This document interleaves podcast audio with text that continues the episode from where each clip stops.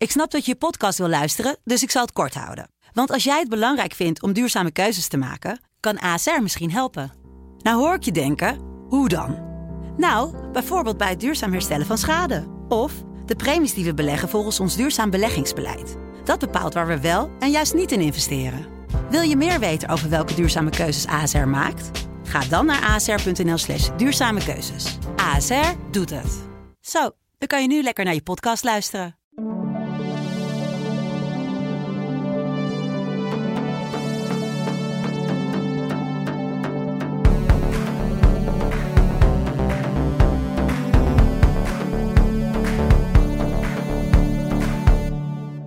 Gaan naar Zweden toe. Naar Zweden toe? We gaan naar Zweden toe. Dat was het eerste wat jij mij afgelopen weekend appte nadat Ja. Loreen de Zweedse voorronde had gewonnen. Dat was niet uit heel veel enthousiasme hoor. Dat was gewoon uit angst. We gaan weer naar Zweden toe. Was eigenlijk de toon. Hi Richard. Hey, dag Katja. Welkom bij Songfestival Koorts. De wekelijkse podcast die je een beetje bijpraat over het Eurovisie Songfestival. Ja, maar, dat maar jij zei, we gaan niet nee, eh, appte ik jij. We gaan antwoordde niet naar direct Zweden. nee. Maar je was overigens niet de enige. Johnny van Riel appte me ook. Voormalig panelist. Voormalig panellid, die zei ook meteen, we gaan naar Zweden toe. En ook hem antwoordde ik direct nee. Ik denk dat we niet naar Zweden toe gaan volgend jaar. En dat Zweden het niet gaat winnen. Maar zover zijn we nog niet. En wie weet wat er nog komt. Toch waren er op die avond direct na de overwinning van Loreen... meteen wat twijfels over de installatie daar. Die Wat heb jij nou weer boven tafel gekregen? Ik heb niks boven tafel gekregen. Ik heb gewoon Vivi-blogs gelezen. oh, die, zware dat dan installa- gewoon. die zware installatie die Zweden meeneemt. Ja, naar die twee, die soort zonnebank, hè, wordt het ja, genoemd die, gewoon. pres- de, die, die zonnebank, die claustrofobische zonnebank, moet wel aan het plafond kunnen hangen waarschijnlijk in de M&S Arena in eh, Liverpool. Ja, En daar werd op geduid dat er wordt aan getwijfeld of de constructie wel zodanig is dat hij zulke zware dingen kan, eh kan stel je toch tillen. eens Ja. voor dat het dak in elkaar stort vanwege Loreen. Nou ja, hebben we wel, Nou, eh, nee. wel, wel nieuws natuurlijk. Maar nee, geen nee, maar dat wil je natuurlijk niet. Nee. Nee. Maar misschien wel interessant om te onderzoeken hoeveel kilo kan het hebben en wat, kan, wat is er wel mogelijk, wat is er niet mogelijk. Ik vind dat wel interessant om in te duiken. Absoluut eigenlijk. interessant. Maar we gaan in ieder geval die discussie volgen. En we hebben een gast eh, deze Ja. week. En voordat we die gast even introduceren, eerst een stukje muziek. Het was als de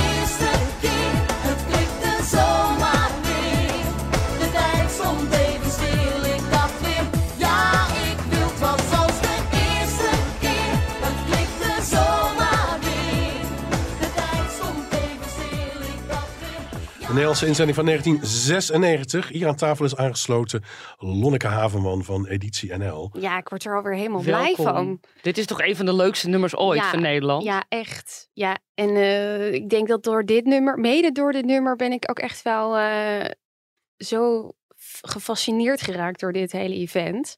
Ik was toen acht, negen, zoiets. En wij eh, keken thuis eh, met het hele gezin altijd naar het Songfestival. Dus dat was echt wel een eh, traditie. En mocht je er ook tot het eind opblijven. Ik was al als kleinkind heel goed in tot laat opblijven. En dat mocht ook tot de puntentelling. En dan mochten wij met mijn zussen mochten wij, kiezen voor wie we dan zouden stemmen. Tenminste, dat hebben mijn ouders in ieder geval ons doen geloven. En dan belden we één keer voor een land. Ja, met, met eh, de eerste keer. Dat was echt, denk ik, als ik dan terugdenk, is dat volgens mij de, de eerste keer dat ik echt het nog weet. En dat ik de hele avond heb meegemaakt. En ik, was, ik vond het zo fantastisch dat die twee daar stonden te zingen met die paar stapjes. En zo'n hele grote Franklin Brown en Ja. een hele kleine Maxine. Ja. En toen dacht ik, dit is een waanzinnig event. Ik vond het ook zo bijzonder dat je dan met heel Europa naar één programma zat te kijken. Ja, Hoe heel groot dat dan was, dat vond ik magisch. Ja, Het was een heel sterk jaar, het Songfestival Ja. in 1996. Eh, Nederland eindigde zevende trouwens. Deze. ja, heel goed hebben ze het gedaan. En volgens mij Noorwegen won toen met eh The het was in Voice. Noorwegen. Ja, het was in Noorwegen. Ja, het Oh, was dat was het jaar 96. daarvoor. Heeft Ierland weer gewonnen dat jaar toen? Maar wel met The Voice, ja. Ja, The Voice heette het. Ja, oh. Ierland was Oh, dat. Ja, The het- Voice, dat was het. Ja, die haal ik ook door elkaar. ja. Ik vond het ook een beetje Noorsachtig, denk ik. Maar Ja. dat was een prachtig lied, vond ik hoor. Ik vond het Oh, heel nee. mooi. Nee, ik was daar niet weg Oh, van. Maar dat heb ik vorige week al het doek gedaan. Ik ben niet van het Keltische gedoe. nee, ik vond het ook heel mooi. Dus eh, ik denk dat ik sindsdien wel echt eh, nou ja, gefascineerd ben door Heb je ooit nog wat met dat liedje gedaan? Dat de eerste nou, keer? doet het altijd goed in de karaokebar, moet ik zeggen. Dus eh, dat heb ik vaak gedaan. En ehm, ja, nee, ja, ik, eh, ik kan hem wel eens opzetten thuis hoor. Ja, het is wel een, eh, een feestelijk liedje. Ja, op feestjes doet hij het altijd goed. Mhm. Je hebt nu zelf kinderen. Ja. Ja, ja, nou sowieso gaat, eh, nou ja, helemaal in aanloop naar Songfestival toe gaat, gaat er altijd wel een, een playlist aan. Omdat ik gewoon ook wil weten wat er allemaal te horen is bij het komende Songfestival. Dus ja, mijn kind die eh, wordt ook wel opgevoed. Vorig jaar zong die eh, achter in de auto, was hij, eh, nou ja, anderhalf ongeveer, iets, iets jonger. Mhm. Zat hij achter in de auto. Oeh. Oh, ah. indoctrinatie hoor ik. Ja. Nou, je Ja. zet het aan. En, maar ik vind het heel grappig om te zien dat bij zo'n peuter zie je eigenlijk ook welke kleine dingetjes er dus aanslaan. Ik bedoel, Ja. want hij kan het niet meezingen. En als je dan die playlist aanzet en, en ik, nou ja, ik laat alles evenveel horen en je hoort ineens dan dat riedeltje, dan denk je, nou, dat is dus wel slim. Want als mijn peuter dit kan onthouden, dat kan ik, dan kan de Europese kijker dat op de bank ook. Dus eh, vind ik altijd wel ook een goede, goede leidraad. Goed Ja. voor in de selectiecommissie lijkt me ook. Eén Ja. peuter erin. Ja, Wie precies. weet helpt het. ja. Ja, we zien elkaar één keer per jaar. Ja. Dat is tijdens het Songfestival. Dan is er op de plek waar het Songfestival is altijd een team aanwezig van Editie NL. Ja. Aran zien we ook altijd van RTL Boulevard. Ja. Van Aran begrijp ik altijd direct wat hij doet. Die gaat op het nieuws af en dergelijke. Maar volgens mij maken jullie hele andere verhalen. Ja, nou ja, de, ons programma Editie NL werkt ook een beetje anders natuurlijk dan een RTL Boulevard. Kijk, wij zijn een nieuwsprogramma. Wij kijken altijd naar wat is het nieuws, wat is het gesprek van de dag. En daar proberen wij een, een klein, eh, een andere insteek bij te bedenken. Of we halen er iets kleins uit en dat uitvergroten we. Dat doen we ook met het Songfestival. Ik zie het Songfestival dan eigenlijk als een groot nieuws-event. Net als dat je bijvoorbeeld het EK of het WK. Ja. Dan gaan we daar na- naartoe om een aantal eh, verhalen te maken. We kijken naar eh, bijvoorbeeld vorig jaar hebben we een verhaal gemaakt over zingen in je eigen taal. Want dat deed Stien natuurlijk ook. Ja. Dus gaan we kijken naar hoe heeft dat het afgelopen jaar eigenlijk gedaan. En eh, op de straat daar met Nederlandse teksten lopen van nou, wat zingt ze nou eigenlijk? Nou, dat is hartstikke leuk. Dus we pikken er altijd een aantal dingen uit. En dan maken we daar een verhaal over. En we hebben ook altijd in ons achterhoofd. Kijk, onze kijker van Editie NL is, is natuurlijk niet per definitie Songfestival-fan of een Songfestival-kijker. Dus we hebben ook wel in ons achterhoofd dat het verhaal nou ja, voor iedereen moet aanspreken. Dus het is niet. Eh, we gaan niet helemaal echt in de wedstrijd. Wat natuurlijk wat, wat we lekker aan Aran overlaten. Die spreekt alle artiesten. Ja. Die gaat volledig mee met de Nederlandse delegatie. Ook hoe, is, hoe is de Nederlandse artiest eh, de, de ochtend wakker geworden? En nou ja, daar gaan wij niet helemaal in mee. Maar wij kijken meer als, nou ja, naar het event als geheel.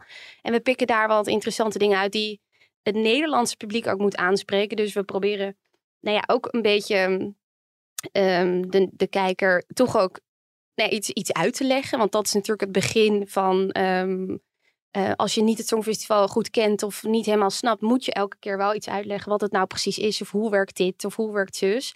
En dan pikken we er een aantal dingen uit en die eh, belichten we. En dan maken we daar een, eh, een leuk verhaal over. Ja, je hebt dadelijk vast ook nog een leuk voorbeeld voor ons. Wat je de afgelopen jaren hebt meegemaakt. En Ja. achter welk verhaal je bent, eh, bent gegaan. Wij gaan het even weer hebben over de Nederlandse inzending. Want daar raken we niet over uitgepraat. We laten Nee, even een nooit. Nee, we laten een stukje horen eh, dat Gerard Joling afgelopen week te gast was bij eh, Vandaag Inside. Alleen ik vind het heel gek dat zo'n Duncan Lawrence dan het en produceert en arrangeert en schrijft. Ja. En eh, zijn, vroeger hadden we een jury. Wij stonden daar met zes verschillende liedjes. Metropoolorkest en alle provincies die bepaalden welk nummer je deed. Shangri-La. En ja, zeker. Dat is een heel tijdje geleden. Ja, al. maar toch, Met hele hoge tonen. Ja, maar dat zit er allemaal nog, hoor. Ja, ja, op de band. Even knijpen en gaat, Johan. nee, maar het, het is namelijk zo. Je zou eigenlijk terug moeten naar het oude Songfestival. Groot orkest, live zingen. En dat het Nederlands publiek het gewoon kiest. Ja, terug naar het orkest.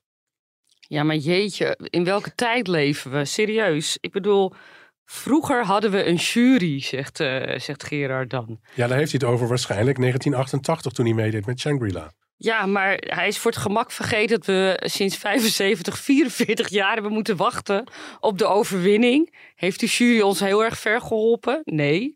Hebben we vervolgens acht jaar moeten wachten tot we in de finale terechtkwamen? Sinds de interne selectie is het natuurlijk wel wat beter gegaan. Maar dat vergeet hij gemakshalve dan.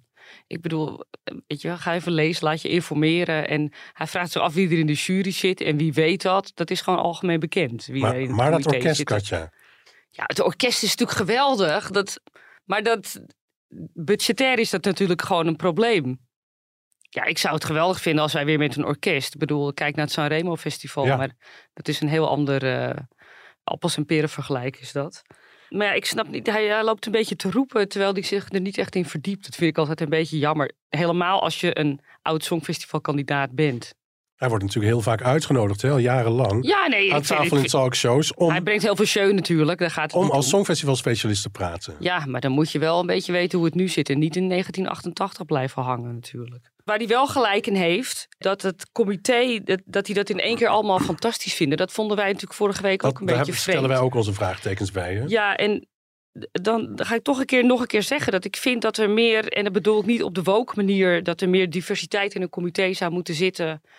eh, als in eh, op basis van afkomst, maar op basis van muzikale achtergrond zou er wat meer diversiteit in het comité moeten zitten. Anders blijf je allemaal in diezelfde bubbel hangen. En dat is zo jammer. Je hebt toch verschillende meningen nodig volgens mij om, om eruit te komen. Ik kijk je vragen Ja, aan. m- ja, dat klopt. Ik denk, dat, dat, ik denk zelf dat die commissie de afgelopen jaren heeft laten zien dat het goed kan functioneren.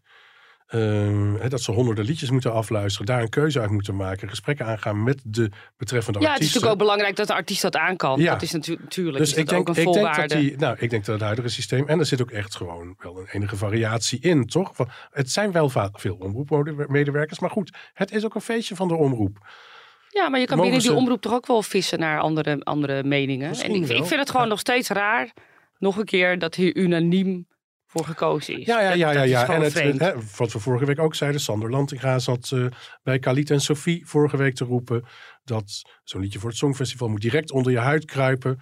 Nou, hij, hij doelde daarmee op, eh, op de huidige inzending van Dion Cooper en eh, Mia Nicolai. ja, ja, ja. Dus ja, de- kennelijk was de rest echt absolute bagger. Maar ik denk, ook, ik denk ook niet dat je iets anders kan zeggen dan dat je unaniem achter dit lied staat. Waarschijnlijk zijn er heus wel een paar die misschien een ander lied of ook goed vonden. Of, maar je kan ook niet als comité zeggen, ja, eh, we hebben dit lied gekozen. Drie, je drie toch- ervan hadden toch twijfels, maar zijn maar meegegaan met de rest. Maar nee, dan, maar je kan wel je zeggen, we hebben, we hebben even moeite gehad op zijn minst. Ik vind dit weer, dit komt, dit komt te Ja, perfect je over. miste nog de, de, de zin, eh, we hebben het heel moeilijk gehad. We, we, hebben, we hadden een aantal hele goede liedjes. En eh, uiteindelijk ja, zijn we... het is dat gewoon hebben een dingetje naar buiten toe. Ja, dat ik hebben ze denk- nagelaten. Ik ben daar Ja. toch een beetje allergisch voor. Ja, Ja, ik, maar je dus- weet hoe dit werkt, Ja, toch? het, het werkt zo, maar het- ja, nou ja, ik vind het moeilijk.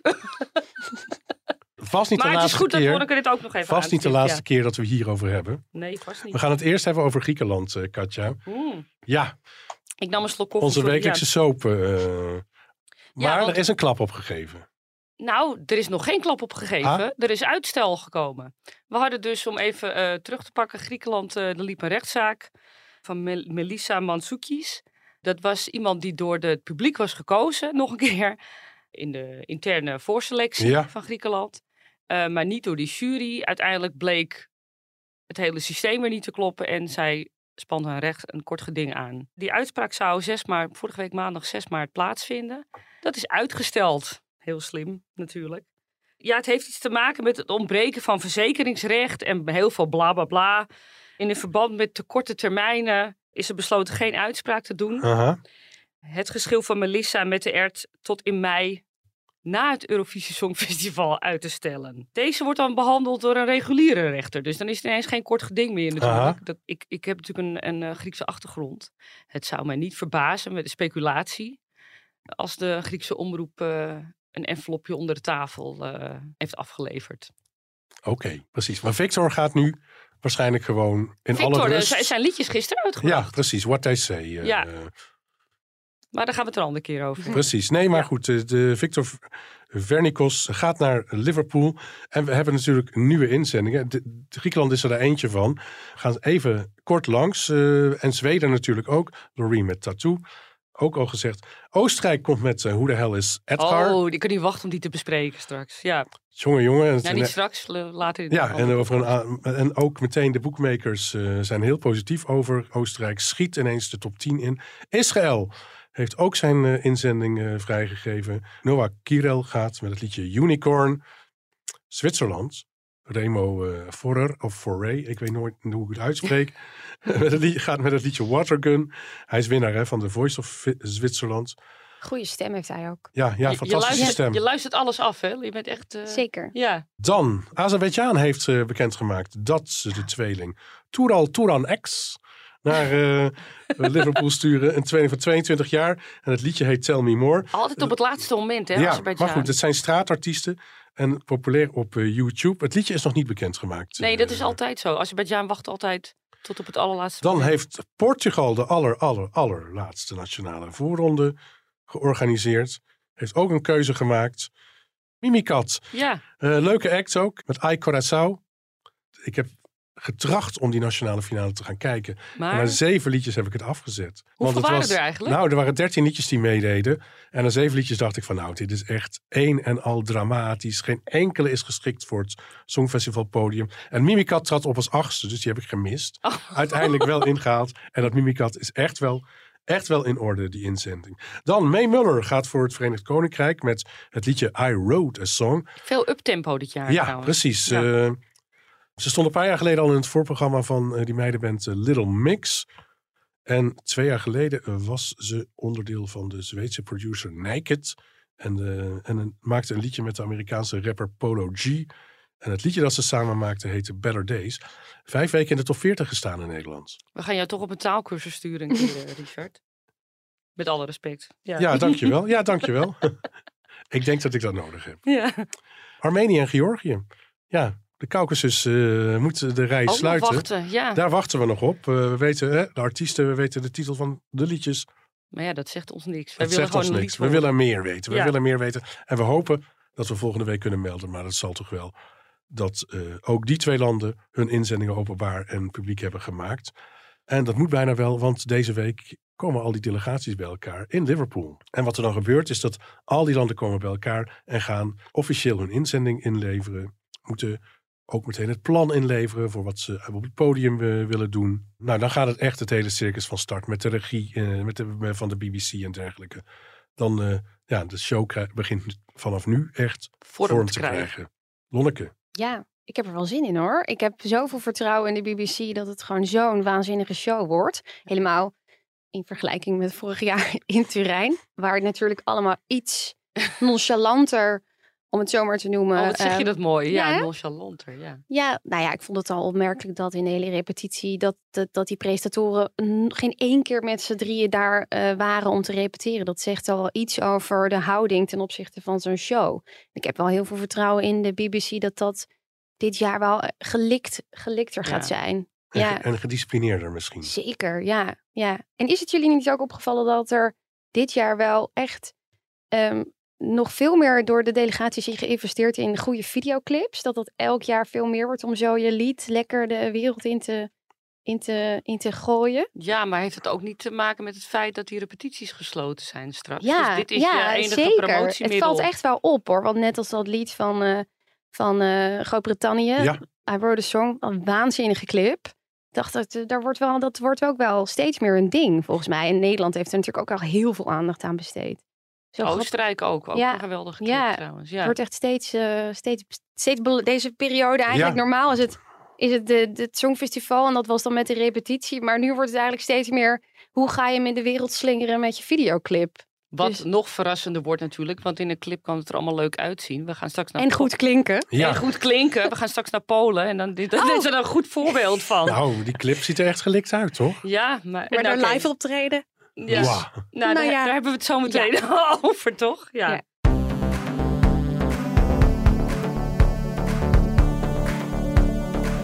Lonneke, wanneer ging jij voor het eerst naar het eh, Songfestival? Voor je werk? Ehm, ja, Ja. Voor, me, voor, eh, voor mijn werk inderdaad. Ik ben in 2018 voor het eerst gegaan in Lissabon. Wij, eh, mijn collega Michiel Sampon, wat echt het, het Songfestival orakel van onze redactie is. Die ik, ik durf te wedden dat hij echt wel zou kunnen battelen met Cornald Maas qua weetjes en feitjes. Het is echt eng. Maar eh, hij gaat al jaren voor Editie NL eh, naar het Songfestival. Ook in de slechte jaren van Nederland. Maar juist kwamen er dan toch altijd nog wel wat leuke verhalen vandaan. Ehm, maar we merkten ook steeds meer met, ehm, met ook online video en artikelen dat het, dat het steeds, ehm, nou ja, steeds drukker voor hem werd daar. Want er werd steeds meer van hem gevraagd. Mhm. Van Editioneel, maar ook van RTL Nieuws.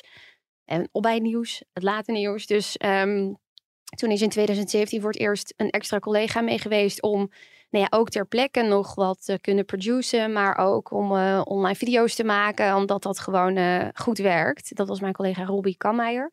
En ehm, toen, dat was dus in Kiev. En toen had eh, Salvador Sobral gewonnen en toen gingen we naar Lissabon. En ehm, nou ja, de Robbie kon dat jaar niet, dus toen eh, mocht ik eh, mee. En ik zat er natuurlijk al een tijdje op de azen. Want dat leek mij fantastisch om een keer bij dit spektakel aanwezig te zijn. Ook om eens achter de schermen te kijken, wat gebeurt hier allemaal. En juist ook daar verhalen over maken. Er waren toen heel veel Nederlandse bedrijven die meewerkten aan die show.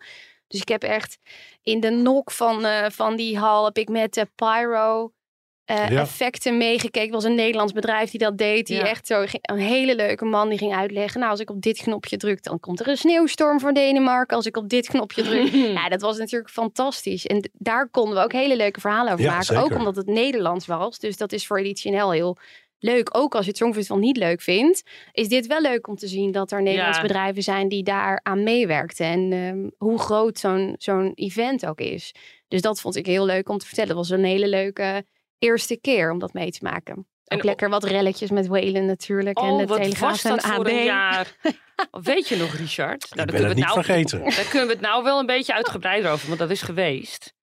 Want dat was het jaar dat Whalen natuurlijk eh, de Telegraaf boycotte. Ja, En en het het AD. Algemeen Dagblad. En Ja. het AD, ja. Ja. Oh ja, op Ja. Stefan was hij bozer dan op mij, heb ik de, Ja. altijd de indruk gehad. Volgens mij wel. Ja.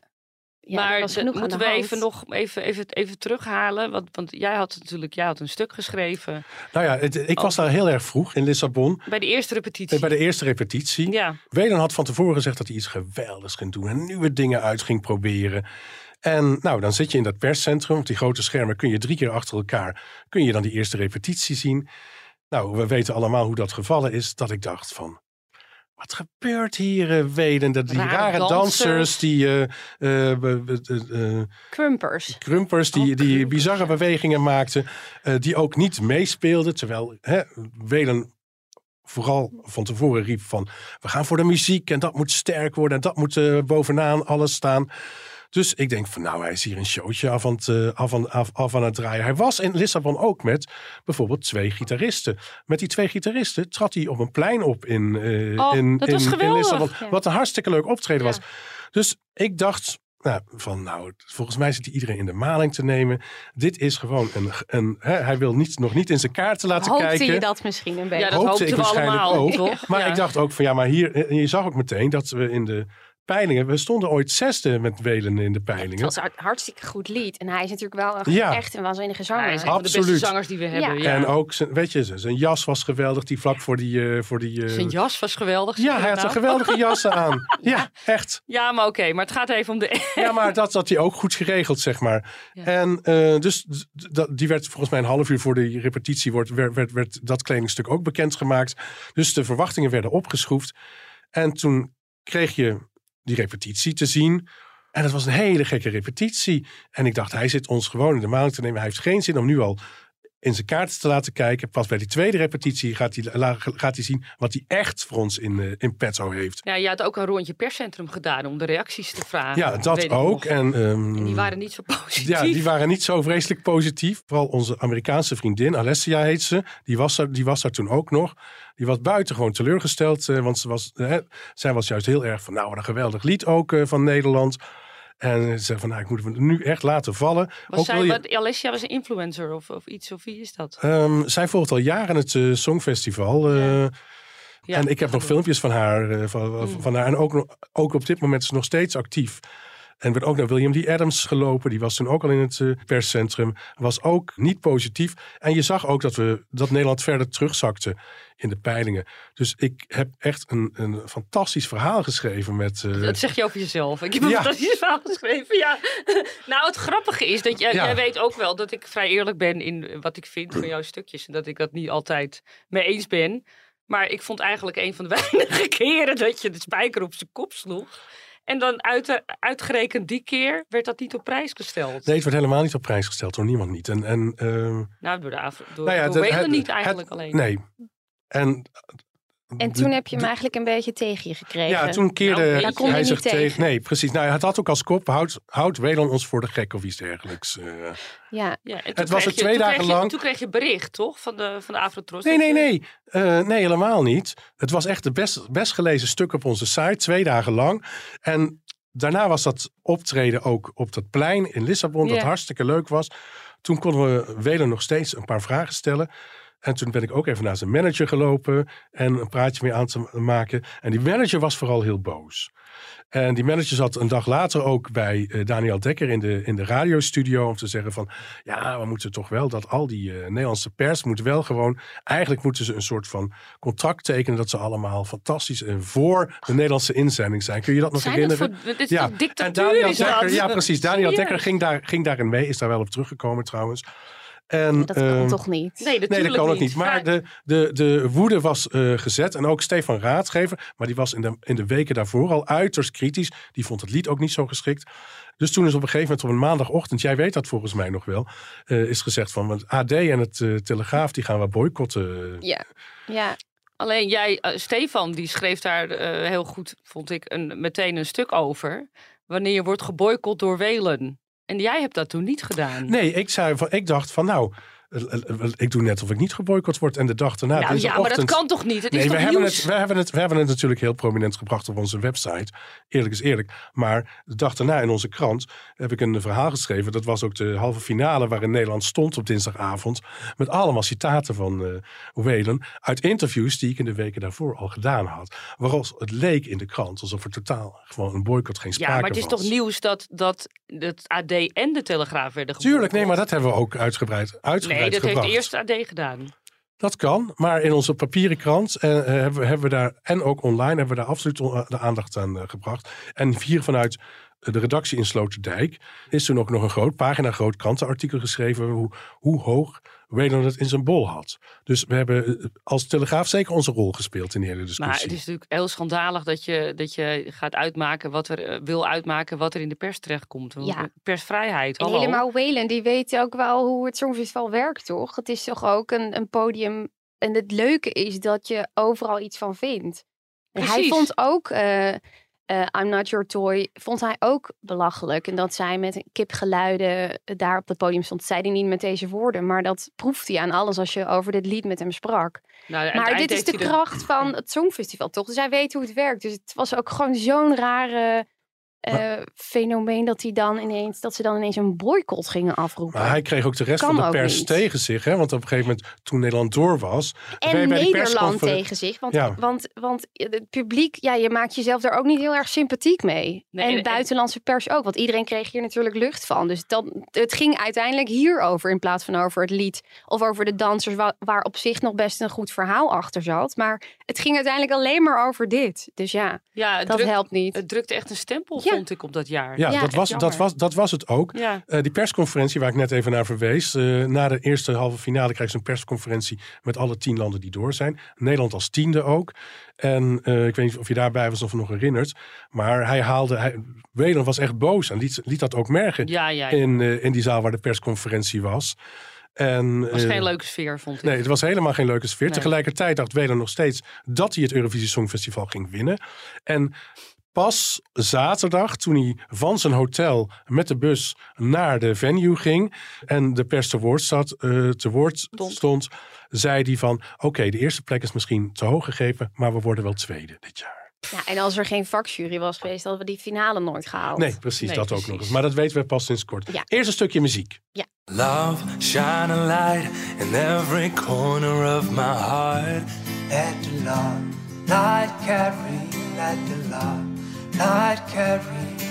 Of the magic in every little part. Let our love shine a light in every corner. Nou, Lonneke, je hoorde Love Shine a Light. Ik weet het weer. En we hadden van tevo- tevoren even contact. En toen zei ik, wat zijn nou jouw lievelingsliedjes? En Love Shine a Light is daar eentje van. En Love Shine a Light, wat je net hoorde, is de versie die werd gebruikt in 2020. Oh Toen ja. het Songfestival niet doorging. Ja, En toen is vanuit de studio in Hilversum is er een show geweest. En alle deelnemers op één land gezongen. na het, hebben ja. een stukje Ja. gezongen van Love Shine a Light. En dit was het beginnetje daarvan. Zou zo'n lied als Love Shine a Light nog steeds goed genoeg zijn om het Songfestival mee te winnen? Absoluut. En over 30 jaar nog steeds. Oh, ja. Oh, wat een overtuiging. Ja, Ja. Dit, is, maar dit, is voor, dit vind ik ultiem songfestival. Aha. Omdat het, je kan het allemaal meteen arm in de lucht. En we're all... Nou, dat is, dat is heerlijk. Het is zo'n ehm, gevoel van saamhorigheid. En dat is ook wel dat songfestival is. Of juist in een andere taal, in een eigen taal. Het is allemaal, je begrijpt meteen ja. wat de boodschap is. En dat is, eh, volgens mij, is het, dit is, ik vind het ook wel echt een van de beste liedjes ooit. Het is ook een beetje uit die nostalgische tijd, want het was een jaar, na- het was 97 Ja. volgens Ja, mij. een jaar na Franklin en Maxine. Ja, toen wij met volgens mij onze allerslechtste inzending Mrs. ooit naar het ja. Songfestival zijn Oh, gegaan. dat was erg. Maar toen hadden we gelukkig Katrina and the Waves, wat alles heeft goed gemaakt. Want dat was, dat was fantastisch. En ik zelf, ik zit in een, eh, in een koortje met vrienden. En wij zingen eigenlijk alleen maar op, op, op, op zelf eh, georganiseerde evenementen of op elkaars, op, op elkaars bruiloft. En wij hebben dit lied dus ook al een aantal keer op iemands bruiloft gezongen. En het Ah. is altijd een succes. Kunnen we jullie ook inhuren, Lonneke? Ja, het kost wel eh, Ja. een fles wijn, denk ik. Oh, oh. ik ga erover nadenken. Ja. ja. Maar het blijft een fantastisch lied. En ik denk, je zou dit elk jaar nog kunnen insturen. Ik weet niet of het elk jaar wint, maar het zou elk jaar het heel goed doen.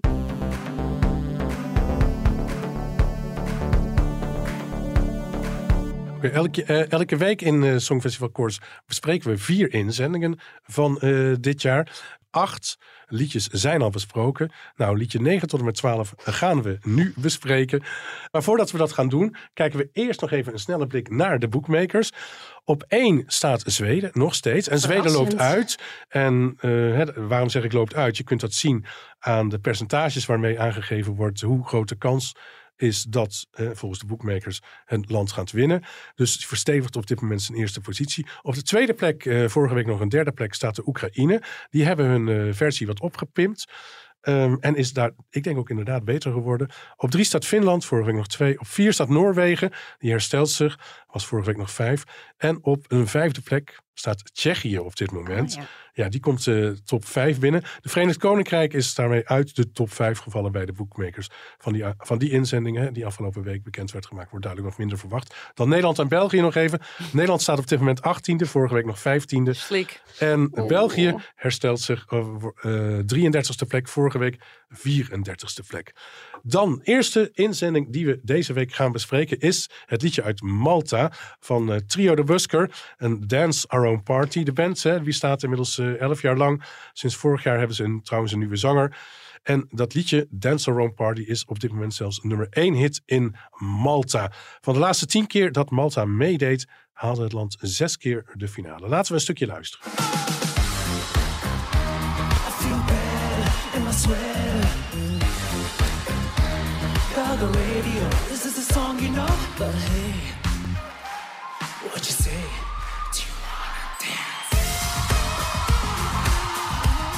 Ja, bijna Moldavische toestanden met die saxofoon op het eh, Oh, ik wist Ja. dat je dat podium. ging zeggen. Ja, natuurlijk. Ik vind dat daar heeft, eh, eh, met feestliedjes, heeft Moldavië bij mij het alleenrecht op die saxofoon.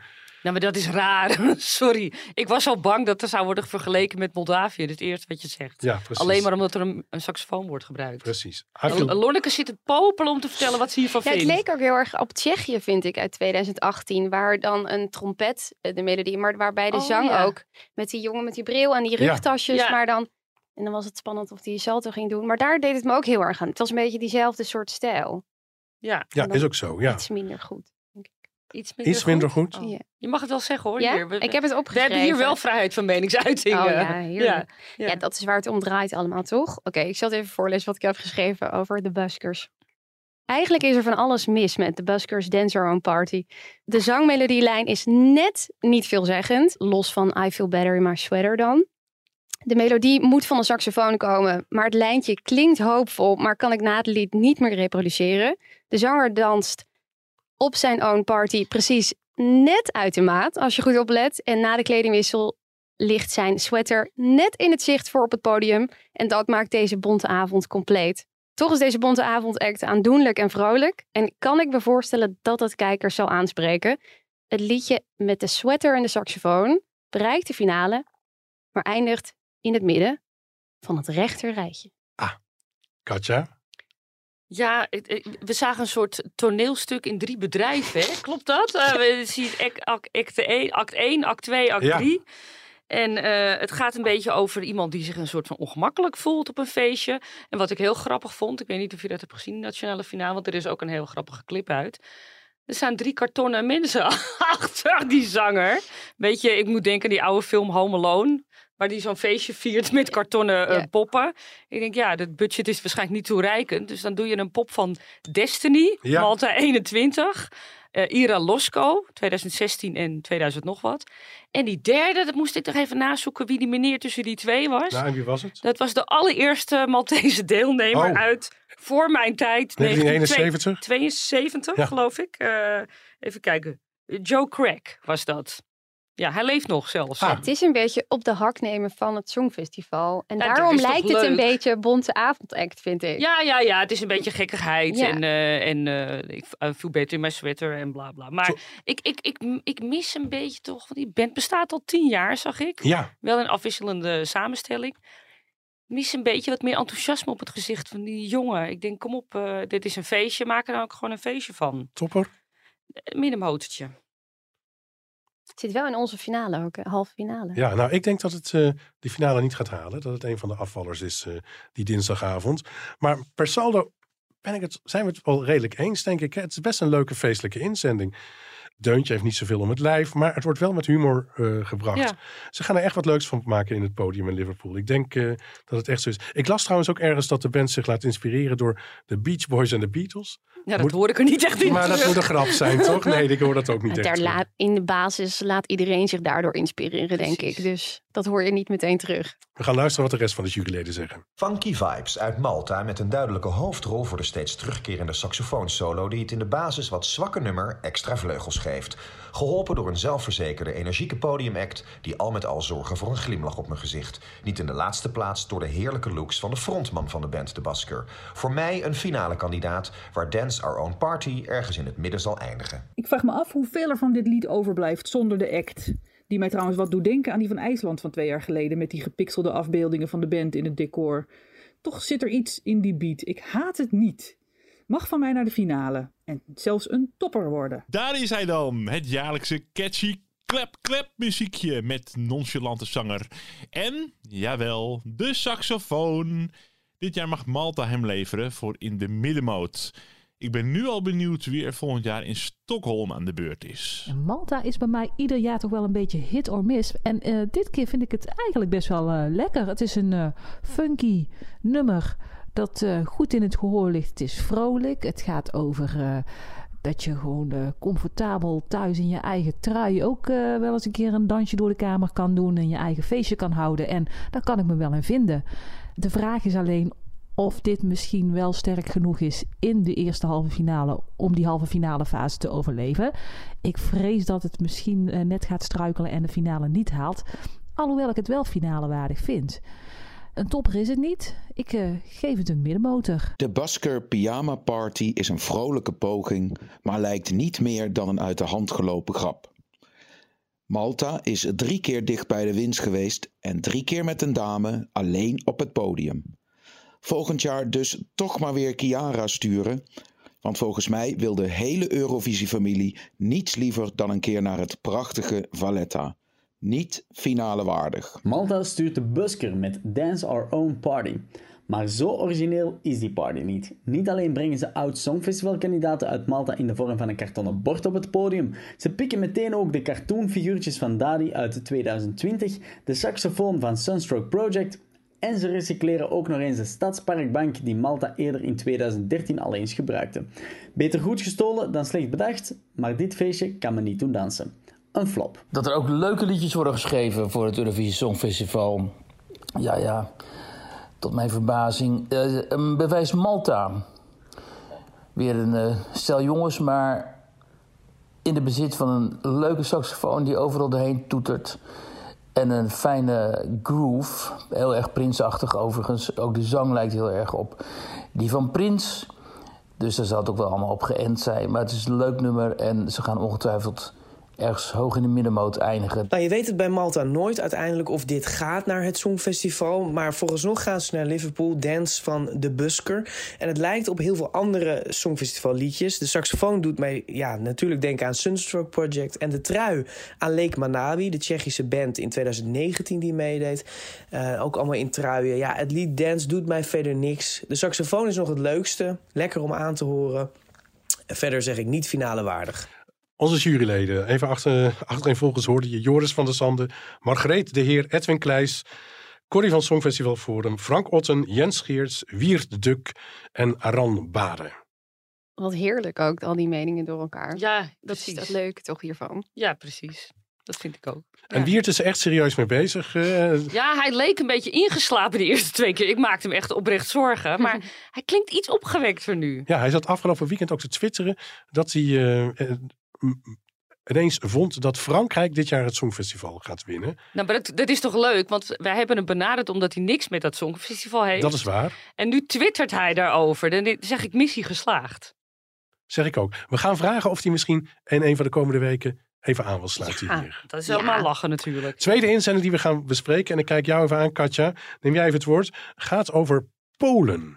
En Polen stuurt eh, de zangeres Blanca met het liedje Solo. Blanka uh, Stakov, moet ik zeggen, denk ik. In 99 geboren in Polen. Poolse moeder en Bulgaarse vader. Die een heel erg rijke zakenman is. Dat wilde ik even benadrukken. Ja. Want hier komen de vooroordelen, die, maar die volgens mij wel kloppen. Want eh, zij heeft meegedaan in 21 aan eh Poland's Next Topmodel. En ik krijg zo het gevoel dat dat dan iemand is die ook een zangcarrière ambieert. En dat papa daar wel een aandeel in heeft Mhm. gehad. Tenminste, als je dat hoort, dan, dan denk je dat vrij snel. En wat blijkt nou? Gedoe in het, met de jury. Ja, de Niet jury. alleen in Griekenland. Ik heb gisteren contact gehad met eh Konrad Szczesny. Die is van Eurovisia.org. Een hele grote Eurovisie-website in Polen. En eh, die vertelde mij dat de TVP, TV Polen denk ik dan zo... die heeft de regels voor de voorronde een paar dagen voor de uitzending veranderd...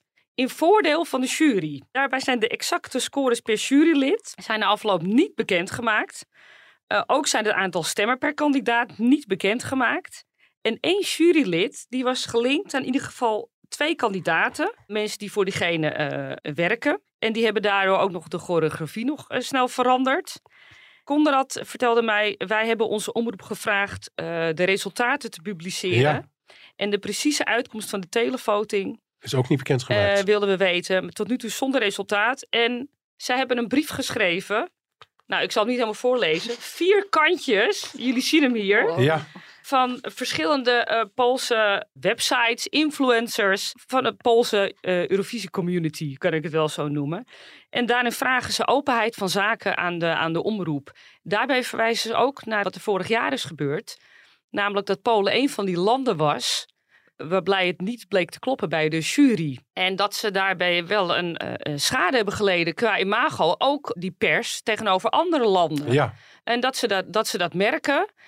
En eh, dat ze daar de gevolgen nu van ondervinden. En eh, nou ja, het wordt helemaal uit de doeken gedaan. Natuurlijk kan ook niet anders in vier, eh, in, in vier delen. Ze eisen transparantie. Ja. De, de- nou, ineens zat bijvoorbeeld hè, die choreograaf van Blanca zat, bleek in de jury te zitten. Ja. Edita Gorniak bleek, was, zat in de jury. Nou, Maar- dat was de voorzitter ook Ja, nog. maar- en, maar die, doet ook, eh, die maar- heeft meegedaan natuurlijk ooit. Hè, in, Die heeft eh, meegedaan, maar, maar als ik het goed begrepen, had een vriend van haar zoon had weer een connectie met die, eh, met die Blanca. Oh, wat erg dit. Ja, dus het, Ja. eh, het, het gaat alle kanten op. Ehm, Dit riekt naar corruptie. nou, in ieder geval vriendjespolitiek. Nou, dat is toch een eh, beetje hetzelfde. Toch, toch hè, solo, hè, dat liedje in, in Polen is wel een top 10 hit geworden daar. En ehm, toch even terugkijkend, van de laatste tien keer dat Polen heeft meegedaan, is vijf keer de finale bereikt. Laten we toch even luisteren naar een stukje van solo. Show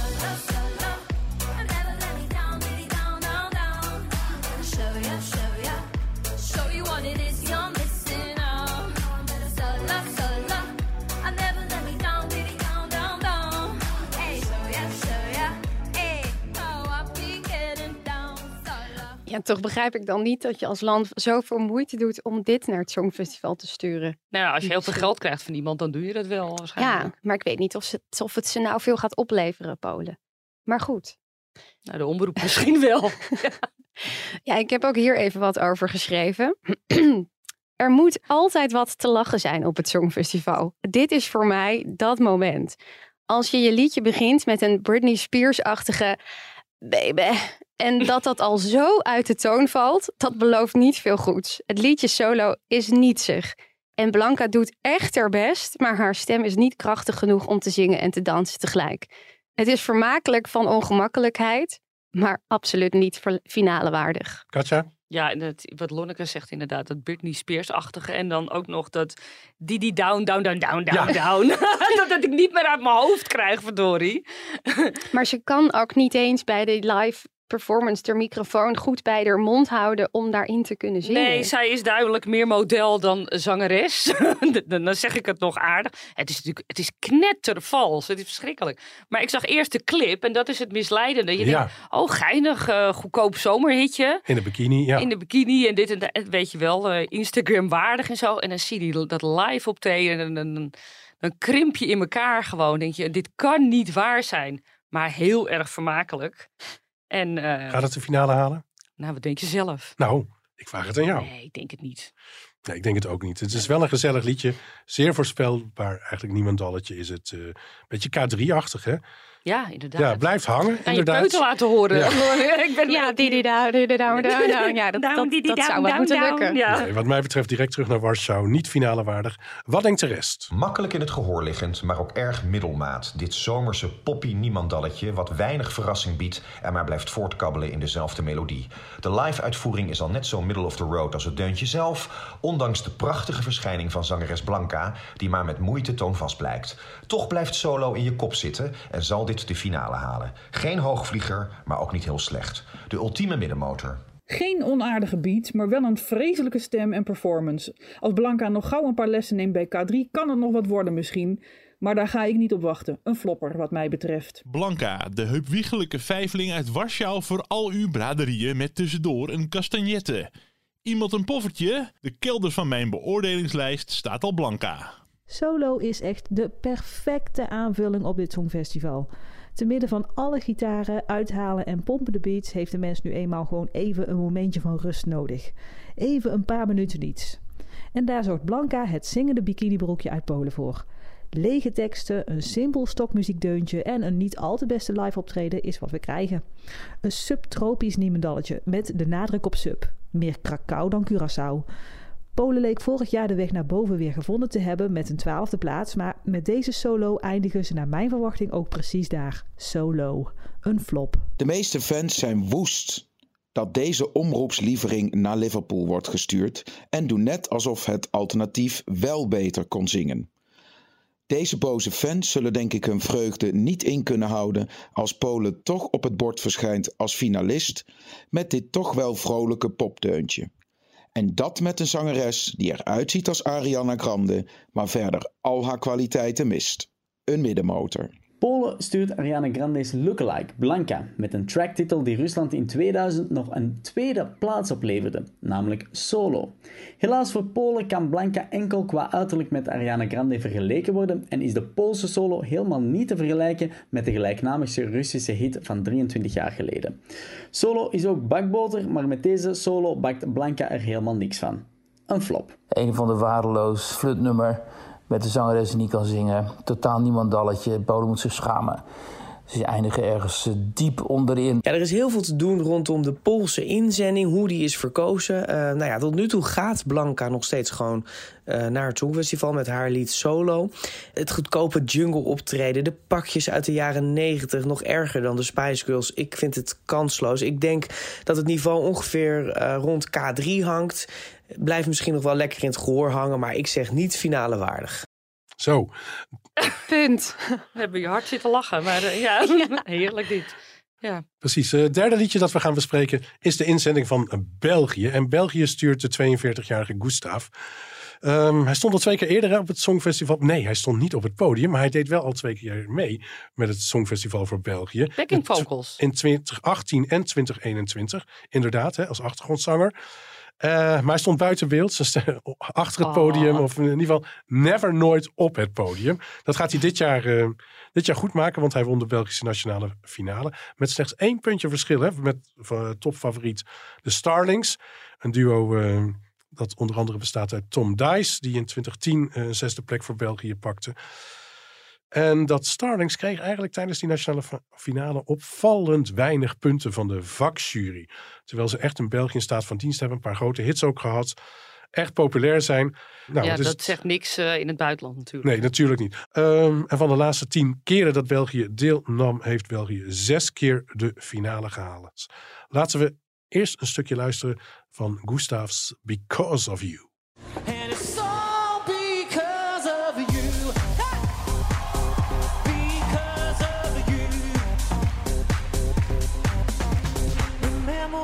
Tried to break us? Well, look at us now. You told me the right thing at the right time. You got me feeling. Nou, Katja. Jij wordt hier blij van, hè? Ja, ik vind het een leuke inzending. Ja? Vertel. Ja, nou ja, kijk, het lied is op zich niet eens zo goed, moet ik eerlijk zeggen. Standaard, het is niet origineel, het is gedateerd, maar het heeft wel een lekkere beat die je meeneemt. En het is meezingbaar, vind ik ook fantastisch. Op zich word je nergens verrast bij dat liedje, maar ik heb ook het optreden gezien, jij waarschijnlijk ook. Ja. En ik moet zeggen, die visuals eh, tijdens die nationale finale, ehm, wat achter de zanger eh, Gustav te zien is, die zien Ja. er fantastisch en heel spannend uit. En dan komen op een gegeven moment een paar achtergrondzangeressen. En die zijn echt nadrukkelijk aanwezig. Dat zijn geen achtergrondzangers, dat zijn gewoon zangeressen die meedoen. Ja. En dat ziet er ook gewoon, weet je, dat ziet er sexy en goed uit. Hij pakt het hele podium, hij durft zich opvallend te- eh, uit te dossen. Je wordt aan de hand meegenomen tijdens het optreden. En dan kan het liedje wel misschien niet zo goed zijn. Maar dat optreden verveelt gewoon geen moment. Echt niet. Ik denk ervoor dat die, kan, dat die ervoor kan zorgen dat eventjes drie minuten lang dat dak eraf gaat in, eh, in Liverpool. Ik denk, ja, dat eh, per saldo, dat ze die halve finale, dat gaan ze door, eh, doormaken. En ze gaan gewoon die finale halen. Je bent heel eh, positief gestemd. En Jij jij dan? Ik ben iets minder positief gestemd. Eh, ik zie heel veel inderdaad wat je zei gedateerd. Hè? Het klinkt heel Ja. jaren negentig. Eens. Die clip ook. Hè? Dus ik zie heel veel folk. eh, die, die dansvorm die Madonna in de jaren negentig eh, Komt weer helemaal terug. bekend heeft gemaakt. Op zich wel leuk. Vrolijk nummertje. Het is wel een feestje. En toch mis ik een beetje... Het nummer is middelmatig, vind ik. Maar waarom lacht Gustav niet? Ik zie hem niet lachen. Jij zegt, hij doet het zo enthousiast en dit en dat. Ja, Hij- zit goed te bewegen. Een samenspel met die zangeressen. Ja, maar ik, iets meer enthousiasme mag wel. Ik denk, ja, maar misschien kijkt hij gewoon zo hoor. Ik verder de, niet persoonlijk bedoeld natuurlijk. Ik twijfel tussen eh, een flopper en een middenmotor. En ik ben er nog niet over uit. Oké. Lonneke? Ja, nou ja, ja ik, heb, ik heb het even opgeschreven. Ik heb gezegd, tja, België. Ik gun ze echt de wereld. Jazeker. En hem ook. Maar het liedje is voor mij iets te monotoon. En ik, kan- ik kan dat honderd keer luisteren. Maar daarna kan ik toch ook niet meer bedenken hoe het nou ging. En de act vind ik toch ook niet opvallend genoeg. En ik hou van modestatements. Dat vind ik fantastisch op dit podium. Maar die grote hoed krijgt voor mij juist een beetje een... Dat creëert een beetje een Calimero-effect. waardoor Gustav zichzelf eigenlijk tekort doet. Want het is een, een hele goede zanger. Echt waar. En volgens mij een heel sympathiek, mooi persoon. Ja. En ehm, dat komt dan niet zo over. Want eh, hij moet daar veel meer in zijn kracht staan. Zou ik bijna willen zeggen. Maar veel meer genieten. En veel meer laten zien dat hij daar echt hoort te staan. En dat hij daar blij van wordt. En dat gebeurt volgens mij niet. Ik hoop voor de Belgen dat ze de finale gaan halen. Maar dan wel met hoed en hakken over de sloot. Oké, je noemt alweer die hoed. In de clip, Ja. heb je de clip gezien? Nee, die heb daar ik niet ziet gezien. Hij er, ah, daar ziet hij er anders gekleed uit. Ah, ja. Dat vind ik dan wel iets. Hij heeft een pet op. Ik weet niet of dat. eh, Maar het- ik vond dat iets beter, maar ook weer niet je van het nog. Maar Ja. het, is, het is wat je zegt, ja, dat hij niet in zijn kracht. En dat hij daarom vind misschien. ik een verschrikkelijke term. Ja, maar ik het is, ook, hij ik moet- ook, maar hij- je- je hebt wel gelijk, Ik vind vind ik. het een hele mooie, lieve, aandoenlijke, sympathieke zanger. En hij is ook echt wel heel goed. Maar hij moet dat veel meer ownen. En met die grote hoed, ik weet niet, maar het heeft voor mij een soort tegenstrijdig effect dan dat het echt een, een, een lekker modestatement is. Precies. Nee, ik wilde je nog wat laten zeggen voor die hoed. Dank je wel daarvoor. We gaan luisteren wat de rest van de juryleden heeft gezet. Back to the 90s met deze Eurodance disco bijdrage door het Belgische broertje van Boy George. Zanger Gustav heeft een geweldige sound en een hoge gunfactor, ondanks het wanstaltige gewaad wat hij draagt. Gedateerd of niet, ik word er blij van. Lekker liedje, prima staging en fantastische backings. Because of You is nostalgische jaren 90 disco in optima forma. Winnen zal het niet, een topper is het zeker niet, maar dit moet naar de finale. Dit lied heeft een link met strips. Een van de achtergrondzangeressen is Chantal Cachella. En zij is de echtgenoot van stripmaker Charles Cambrai, bekend onder andere van de strip Jump. Waar het stripblad naar is vernoemd, waar ik ook strips voor teken. Jump, onthoud die naam. En zet dit nummer in de categorie toppers voor mij, want het klinkt gewoon heel lekker. De Belgen komen met Gustave. En Gustave die gaat vol terug naar de 90s. Dit zou niet meer staan in de megatop 40 van 1998. Ja, dat is fout. Ja, dat moeten we niet willen met z'n allen. Maar laat het dan net mijn jeugd zijn en dus een zwakke plek. Let's swing into the middenmoot. Weet je wie destijds trouwens Zorro speelde? Antonio Banderas. Onze zuiderburen hadden in hun nationale finale drie nummers waarmee ze echt een ijzersterke inzending naar het Songfestival hadden kunnen sturen. Maar geheel tegen verwachtingen in, vooral die van hemzelf, won Gustav een ticket naar Liverpool. Because of You is echt een heerlijke meezinger. Zit vol positiviteit en energie. En Gustav brengt het echt met heel veel enthousiasme en overtuiging. Maar laten we eerlijk zijn, het is ook ongelooflijk gedateerd. Zodra de jaren 90 weer toe zijn aan een revival, zoals de jaren 80 dat onlangs waren, maakt het nog een kans. En het zit in de zwakkere tweede halve finale, dus misschien halen ze die finale nog wel. Maar het is echt wel een van de mindere nummers van dit jaar. Voor mij persoonlijk is dit toch wel een flop. Sorry België. In de vorige aflevering gaf ik al aan niets van de boekmakers te begrijpen en dat geldt ook voor België. Dat volgens hen lijkt te gaan strijden voor de allerlaatste plaats. Ik vind dit juist een lekkere beat hebben die je vrolijk maakt. Als een ode aan de queer community niet scoort op het meest homoseksuele muziekfestijn ter wereld, dan is dat maar zo, maar ik vind het een goede middenmotor. Maar Gustav, zoek alsjeblieft een nieuwe stylist, want dat gaat je echt kostbare punten kosten. Over België niks dan goeds uiteraard. Wij sturen met Gustav een geweldige zanger met een eigenzinnige look, mooie visuals en een sterk geproduceerde song. Als ik toch één kleine kritiek mag geven, de lyrics zouden zo door een 12-jarige geschreven kunnen zijn geweest. Een titel zoals Because of You is gewoon niet inspirerend genoeg. Zeker niet als je van het nummer een LGBTQ anthem wil maken en het opneemt tegen queer classics uit het verleden zoals Diva en Rise Like a Phoenix. Maar ik richt me nu graag tot Gustav. Jij bent een topper en als we de finale halen, is dit all because of you. België heeft een hartstikke leuk nummer. Een soort 90s house groove. Met daar overheen een goede zanger. la George Michael, Boy George, een beetje een mix. Het swingt ook nog als een gek, dit nummer. Ja, onze zuidenburen hielden een nationale finale voor het eerst sinds lange tijd weer. En dat geeft toch veel stof om over te praten. Brengt namelijk ook risico's met zich mee. Dat zie je nu eigenlijk. Een lied wat minder om het lijf heeft gaat naar het Songfestival dan die andere eh, eh, potentiële liedjes. België staat op de 33ste plek bij de bookmakers. Maar ik denk dat België de dark horse is van dit Songfestival. Zeker in die tweede halve finale gaat Gustav de zaal op zijn kop zetten. Het lied Because of You heeft soul met de gospel ladies. Die mogen niet ontbreken. Maar het is het charisma en de stem van Gustav die dit lied naar een hoger niveau tilt. Je gunt het hem en dat is belangrijk. Zelf is hij zijn vakantie nog aan het omboeken. Hij had het zo niet verwacht, maar hij is erbij, heb ik gehoord. En ik heb uh, toch wel hem zeker een plekje in de finale en dan middenmotor. Dankjewel juryleden. Nog één liedje dat we gaan bespreken deze week. En dat is de inzending van Australië. Australië stuurt de Voyager en Promise. Koos dat liedje en, en ook de band dus intern.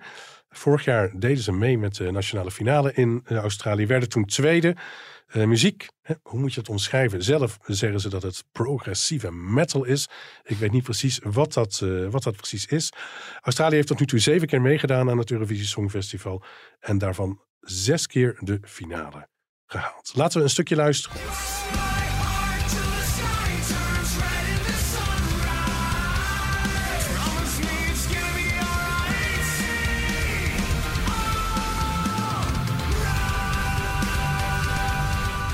Ja, slappe tacht, jaren tachtig ook uh, is, dit, is dit toch echt. Leuk gitaarsolotje erin, uh, dat wel. Degelijk lied, maar het zakt wat mij betreft veel te snel in. Live ziet het er leuk uit. eh, Een band die op elkaar ingespeeld is. Maar het nummer blijft niet hangen. En is toch echt te gedateerd. Een flopper wat mij betreft. Ja, ik vind wel dat ze een, een goede uitstraling hebben. En het is duidelijk een ervaren professionele Ja. band. Eh, ik hou zelf heel erg van die 80 sound. Maar dat is mijn jeugd natuurlijk weer. Eh, en ik hou ook heel erg van stevige muziek. Maar het pakt mij niet. Het, het, het begint wel leuk zo en dan zakt het weer een soort van in. En het klinkt te gemiddeld voor mij. En misschien op basis van uitstraling en professionaliteit een middenmotor. Maar ik neig toch ook weer naar een flopper. Lonneke? Nou, dan ben ik een keer de positieve van deze. Oh, kijk.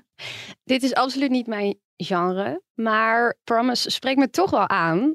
Het laat mij door heel vaak alright te zeggen terugdenken aan East 17. En daar word ik toch wel weer blij van. Het is alleen de iets stoerdere versie daarvan. En het grunten blijft tot één woord beperkt, Ja. waardoor het voor mij een heel leuke gimmick wordt van dat optreden. De zanger heeft een goede stem en maakt de promise voor mij waar. Het is wel een middenmoot, maar zeker gaat het naar de finale. En doe mij de shampoo van zanger Daniel Estrin. En zijn haar ook? Nee, de shampoo. Oké. Waanzinnig mooi haar heeft hij hoor. Jazeker. Ja. We gaan luisteren wat de rest van de jury denkt. Australië komt misschien wel met het sterkste rocknummer in deze competitie. Promise zit goed in elkaar qua opbouw, het intrigeert, het heeft spanning... en de slim gekozen terugkerende oho's in het refrein zijn een slimme zet. Ik ben benieuwd naar de live-uitvoering straks... wat ongetwijfeld voor extra vuurwerk zal gaan zorgen, is mijn inschatting... waarmee Voyager zich met gemak de finale inzingt voor een top 20-notering. Wauw, ik vind dit leuk. Maar waarom eigenlijk? Er zitten zoveel elementen in die op zichzelf genomen heel fout kunnen uitpakken. Van het knotje van de drummer tot het jaren tachtig geluid van de gitaarsolo. Maar toch pakt het me. Ik vind het zelfs een plaats in de top 3 waard. Ik hoop maar dat dit zo blijft en dat het niet zo'n lied is dat op het eerste gehoor pakt en bij iedere volgende keer luisteren ietsje minder wordt. Zoals me dat verging bij de Australische inzending van vorig jaar. Het nummer van Australië begint als iets wat een beetje naar dance neigt. En de zware gitaren die in het refrein de kop opsteken zijn dan wel fris opeens. Het klinkt wel lekker, maar toch is het ook niet echt super bijzonder. Een prima glamrock tussendoortje van de Skippies. Australië brengt ons een van de vele, vele, vele bands van dit jaar. Voyager schreef het nummer speciaal voor het Songfestival. En dat is ook te horen, want ze gooien er werkelijk alles in. Um, rustige momenten, een opbouw, een schreeuw, een grunt eigenlijk meer, een gitaarsolo en een hoop oho's. Ja, het is veel. Het is heel veel wat ze binnen deze drie minuten proberen te proppen. Maar ik vind het wel lekker klinken. Je moet er wel van houden. Het band liet vorig jaar in de nationale voorronde al zien dat ze het live wel waar kunnen maken. De vraag is of het bij dit nummer ook lukt. Een voorzichtige middenmotor. We hoopten op Dami in en kregen Voyager. Nadat Australië door de televoters genadeloos werd afgestraft in Turijn, dachten ze vast: laten we de televootwinnaar van vorig jaar uit de nationale finale gewoon sturen. Voyager mag hun droom dus nu waar gaan maken met een prima rocknummer dat de potentie heeft hoog te gaan scoren met de juiste staging. Daar heeft het bij Australië nog nooit aangelegen, dus een stevige middenmotor. If you've never done anything like this before, you haven't been alive. Dit moet een van de krachtigste openingszinnen zijn die ik in deze wedstrijd al heb gehoord. Geen wonder dat de Australische inzending Promise heet, want dat belooft. Het is een degelijke pop-rock song en een goede middenmotor. Tja, je moet ervan houden. Wat ze doen is eigenlijk telkens één melodietje herhalen, maar dat doen ze wel goed. En het komt tot een enorme apotheose aan het eind dus. En dat zou wel eens de zaal in vuur en vlam kunnen gaan zetten. Dus ongetwijfeld gaat ook Australië hoog eindigen. Voyager mag na een tweede plek in de Australische voorronde nu alsnog naar het Songfestival. Het lijkt een radiovriendelijke song, maar het maakt op mij geen indruk. De Nederlandse Dion en Mia wisselen ze trouwens steeds van plek nu bij de bookmakers. Met Australië nu een 18e en een 19e plek. Dat baart me ook wel enigszins zorgen dat we hiermee eh, met, eh, ja, met dit niveau nu te maken hebben. Ik denk dat Australië op het nippertje doorstoomt naar de finale en dan een middenmotor. De grabbelton.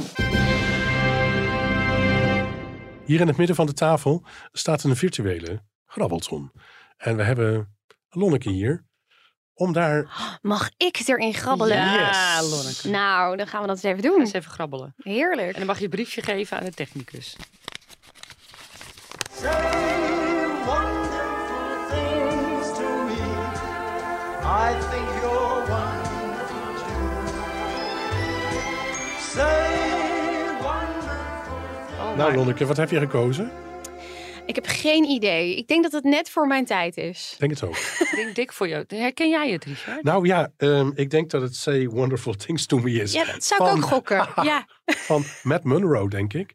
Ronnie Carroll. Ronnie Carroll, oké. Ja. Inzending van Engeland waarschijnlijk. Uit 1963. Wauw. Toch wel een mooi liedje eigenlijk. Best wel geinig. Hè? Nou, we hebben net eh, natuurlijk, we nemen dit op maandagochtend op. We hebben net een Oscar-uitreiking gehad. Ik krijg hier zo'n eh, jaren 50 Hollywood-gevoel Ja, van.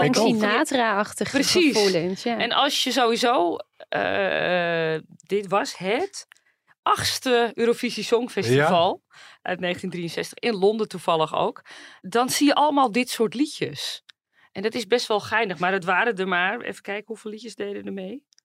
14 of zo. Oh, ja. ja, dat was nog allemaal overzichtelijk en fijn.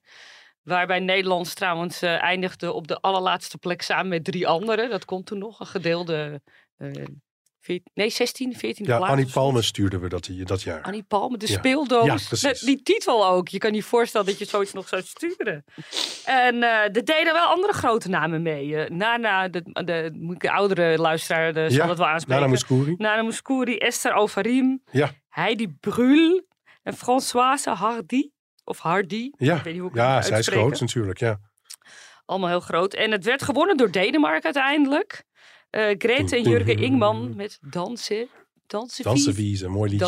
Ja. Echt Ja. een mooie winnaar. Maar eh, eh, een aanrader om gewoon, je gaat niet het hele Songfestival. Is dat überhaupt nog te zien, het hele Songfestival uit 1963? Heel veel songfestivals Op zijn nog te YouTube? zien, maar dit zou me... Maar ja, kijk, ik heb geen idee. even, kijk even voor de tijdsgeest een compilatie van die liedjes. Die is maar acht minuten, dat is te doen.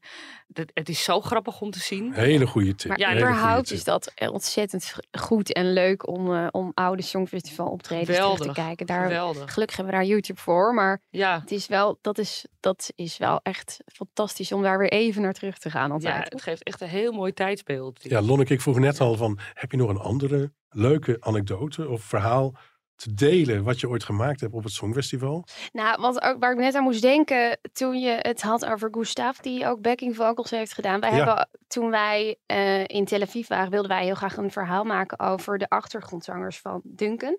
Omdat hij natuurlijk dat Arcade was best wel een lastig lied om eigenlijk solo te zingen. Dus daar, had, daar heb je echt backing vocals voor nodig. En die, hij had ook drie waanzinnige backings mee. En wij, ehm, wij dachten, wij, het leek ons leuk om daar een verhaal over te maken. En hen ook even in het zonnetje te zetten. Want zij stonden daar in dat hokje. Achter de schermen, achter het podium. Precies, ook niet. Waanzinnig te zingen en Duncan te ondersteunen. Maar wij mochten ze niet spreken van de Avro-Tros. En wij dachten, ja, we gaan hier een verhaal over maken. Want het blijft een fascinerend iets dat je natuurlijk met zes mensen op het podium mag staan. Maar dat mag ook dus achter het podium. Dat er heel vaak achter het podium backings verstopt staan... om de zanger nog een beetje te duwen naar de goede noot... en een beetje te ondersteunen. Dus toen hebben we dat toch gebruikt. En we uiteindelijk daar Estland voor gebruikt. Victor Kroon, die ook wel een beetje ondersteuning had, nodig had van Zeker. achtergrondzangers. Maar die vond het heel leuk om hen ook een keer in het zonnetje te zetten. Ehm, en ook iets meer uit te leggen over dat je dat nodig hebt. En dat je, het is een heel groot podium, dus het is ook heel fijn om ze te hebben. En natuurlijk gewoon heel, nou ja, opmerkelijk dat er eh, hele goede muzikanten zo achter zo'n podium verstopt staan. Dat vind ik een fascinerend iets. Dus dat is ook leuk om zoiets uit te leggen. En ehm, ja, ook wel leuk om natuurlijk een beetje tegen de Avrotros aan te schoppen. Dat zij niet wilden dat, eh, dat wij hun achtergrondzangers eh, spraken. Gelukkig hebben ze daarna nog een mooi moment gehad in een talkshow toen ze eenmaal hadden gewonnen. Dus dat was heel leuk voor ze. Precies. Dankjewel Lonneke voor je aanwezigheid hier. Wij moeten afsluiten. Iedereen bedankt voor het luisteren en tot volgende week. Dan is er weer een nieuwe aflevering van Songfestival Koorts. Tot volgende keer. Doei.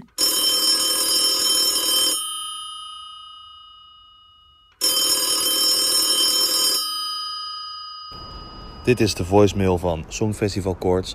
Wij zitten op dit moment midden in een opname, dus wij kunnen niet opnemen.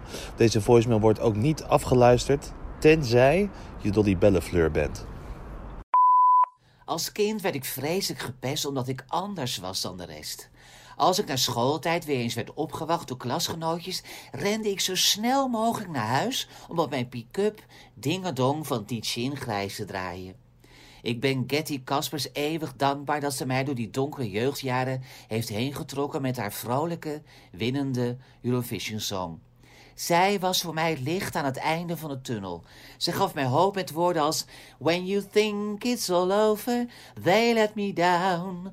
Dry your tears and forget all your sorrow.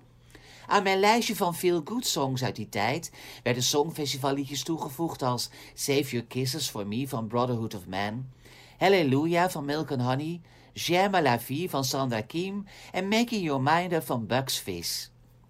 Allemaal songs waar het levensplezier van afspat.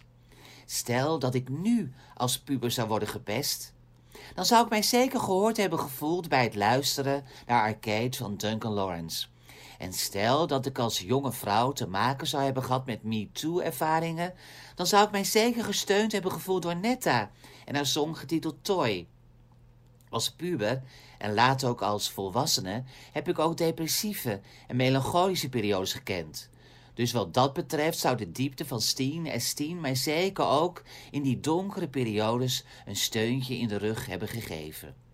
En zo zou ik nog een hele lijst van problemen en persoonlijk leed kunnen noemen dat de afgelopen jaren op het podium van het Eurovisie Songfestival met succes is bezongen en aangekaart.